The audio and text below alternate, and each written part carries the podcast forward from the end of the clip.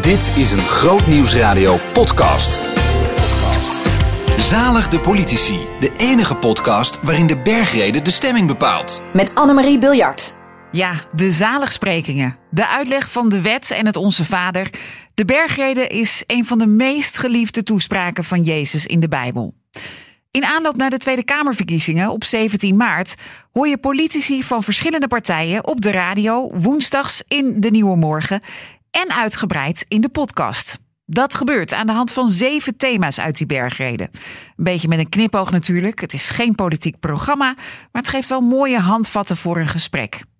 In deze podcast hoor je drie politici, ik noem ze in de volgorde waarin ze zo meteen voorbij komen. Gertjan Segers, partijleider, de nummer 1 van de ChristenUnie, nu en ook op dezelfde plek op de lijst voor de komende verkiezingen.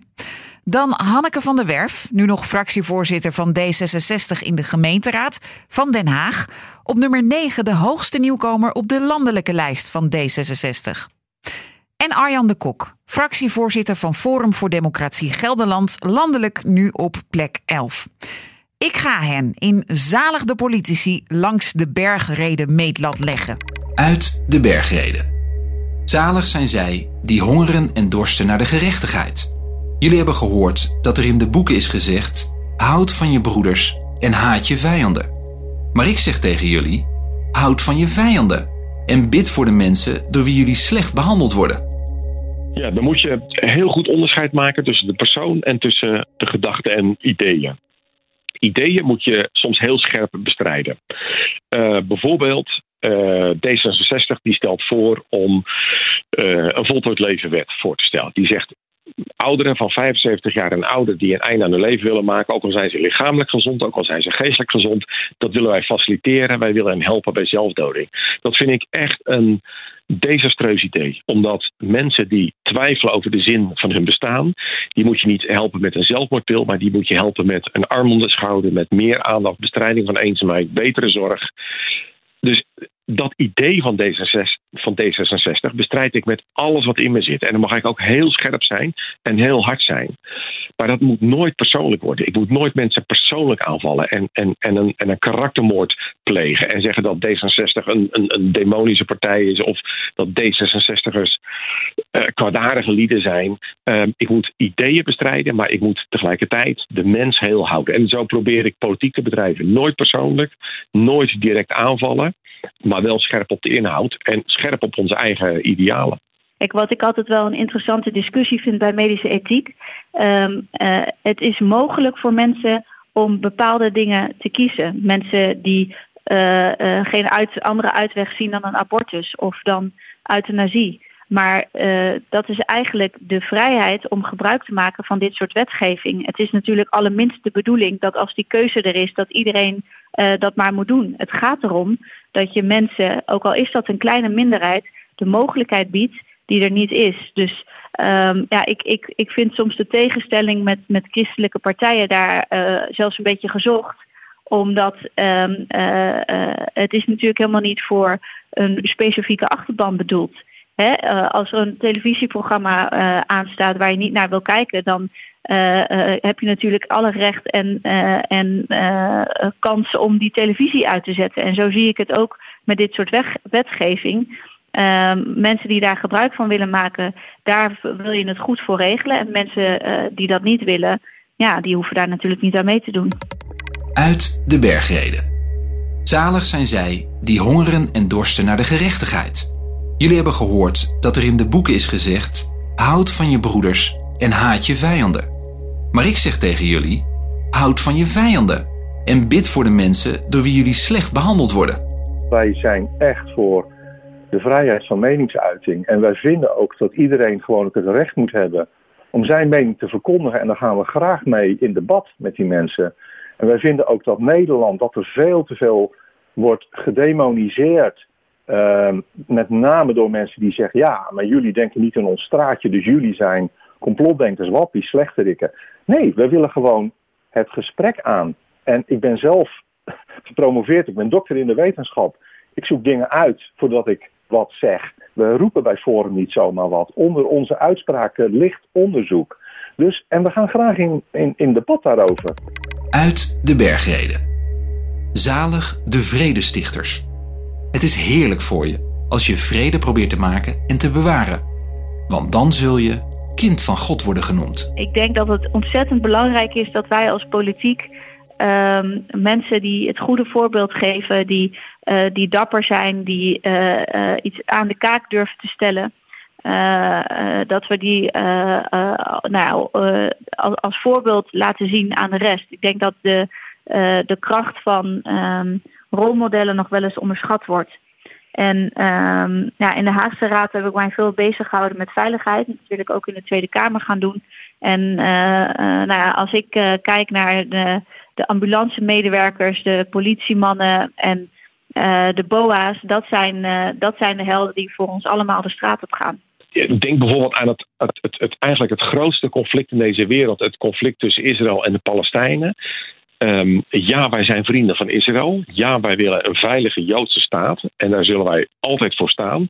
Maar wij kiezen ook voor investeren in verzoeningsprojecten. In scholen waarin Palestijnen en Israëliërs Joden samenleven, samen naar school gaan, waarin ze samenwerken, samen bedrijven hebben. Die proberen wij te stimuleren en te steunen. En zo proberen wij ook de vredestichters elders in de wereld uh, ook hen een steun in de rug te geven en ook hen een duwtje in de rug te geven. Zalig de politici. Het enige gesprek op de radio waar de bergreden je stemming bepaalt. Over het hongeren en dorsten naar gerechtigheid en zalig de vredestichters. De goede verstaander heeft wel wat verschillen gehoord tussen Hanneke van der Werf van D66, Gert-Jan Segers van de ChristenUnie en Arjan de Kok van Forum voor Democratie. En ja, er zijn ook overeenkomsten. Uit de bergreden. Zalig de reine van hart. Aan een goede boom groeien goede vruchten, maar aan een slechte boom groeien slechte vruchten. Zo kunnen jullie de mensen dus herkennen aan hun vruchten. Hun vrucht is hun manier van leven. Straks moeten mensen gaan stemmen. En wat veel mensen doen, is op het laatste moment vaak een stemwijzer of kieskompas invullen. Maar er zijn ook stemwijzers die gebaseerd zijn op het stemgedrag van partijen in de Tweede Kamer. Dat zijn de vruchten, vind ik, de, de democratische vruchten van de partij waar je voor kiest of wilt kiezen. En ik denk dat het goed is dat mensen meer dat soort stemwijzers in gaan vullen, zodat ze zien wat de partij werkelijk in de Tweede Kamer doet. Wij uh, zijn in de Tweede Kamer bijvoorbeeld altijd radicaal pro-Israël. Er staat zelfs dat wij de ambassade naar Jeruzalem willen verhuizen. Um, maar wij stemmen altijd radicaal pro-Israël. En daar worden we enorm op aangevallen. Maar kijk naar de vruchten. Kijk naar ons stemgedrag in de Tweede Kamer. En de, de vruchten die Forum voor Democratie zal brengen, zijn vrijheid voor de Nederlanders, inspraak voor de Nederlanders. Dat zijn de vruchten waar wij in geloven. Vrijheid en inspraak in een samenleving die verdeeld is. Politiek debat dat veel harder is geworden. Uh, maar ja. niet alleen het politieke debat, ook het debat in de samenleving. Wantrouwen. Uh, ja, en dan komt er bijvoorbeeld een eigen mediakanaal. Of uh, wordt er geroepen de ravage van Rutte. Is dat ook een ja. vrucht van Forum voor Democratie? Nou, dat je de waarheid verkondigt wel, ja.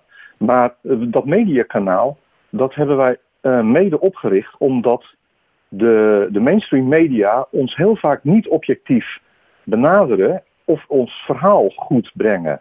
En soms helemaal in het laatste alineaatje staat er nog in de reactie zegt Forum voor Democratie dit. Nou, dat leest niemand zo'n laatste zin. En daarom zeggen wij, we moeten een eigen mediakanaal hebben. En we zijn inmiddels ook meer dan tien keer zo groot dan andere partijen op de social media. Uh, vergis je niet, er zijn 700 persvoorlichters die de boodschap vanuit Den Haag in één grote dreun naar de bevolking brengen. En zie dan maar eens met een kritische noot of een ander signaal te komen. Dus ik denk dat ook heel veel wantrouwen en ook verdeeldheid ontstaat omdat mensen gelukkig hun eigen uh, mediakanalen gaan opzoeken en zelf gaan nadenken. Uit de bergreden. Maak je dus geen zorgen over de volgende dag. Want de volgende dag zal weer zijn eigen zorgen met zich meebrengen. Elke dag heeft genoeg aan zijn eigen problemen. Nou, ik maak mij wel zorgen over de verdeeldheid uh, in Nederland. Uh, uh, de manier waarop we elkaar bejegenen, in, in hokjes delen en te vaak eigenlijk zoeken naar de, de punten waarop we verschillen in plaats van onze overeenkomsten. Dat komt via allerlei kanalen binnen, via, via YouTube en Facebook en de krant. Um, en de manier waarop we soms over elkaar praten, terwijl de meeste mensen die willen natuurlijk eigenlijk gewoon een dak boven hun hoofd, een, een goed inkomen en een goede school voor hun kinderen. Uh, maar daar hebben we het nauwelijks meer over. Ik zie wel dat die polarisatie een enorme vlucht neemt. Zeker ook in coronatijd. Uh, met allerlei uh, vrij ja, soms ook, ook, ook dramatische gedachten over complotten, over uh, kwaadaardige bedoelingen van overheden, zijn machthebbers. Daar gelooft u niet in? Nou, ik, ik, ik, ik geloof in een geestelijke strijd tussen, tussen licht en duisternis en tussen waarheid en leugen. Maar wat ik niet geloof is dat onze overheid uh, kwade bedoelingen heeft en tegenover mensen staat. Nee, overheden maken fouten. Overheden maken soms grote fouten, maar ze zijn niet onze vijand. Ze zijn bedoeld in dienst van uh, de samenleving.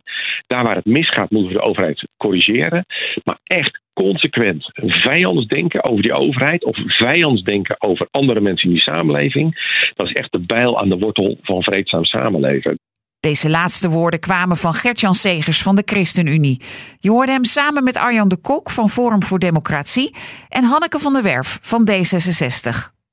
Luister ook naar het volgende, derde deel in deze serie, waarin je een interessante relaas van de SP en GroenLinks krijgt over de macht van grote bedrijven en de SGP die helder uiteenzet waarom er meer geld naar defensie moet. Zalig de politici, de enige podcast waarin de bergreden je stemming bepaalt.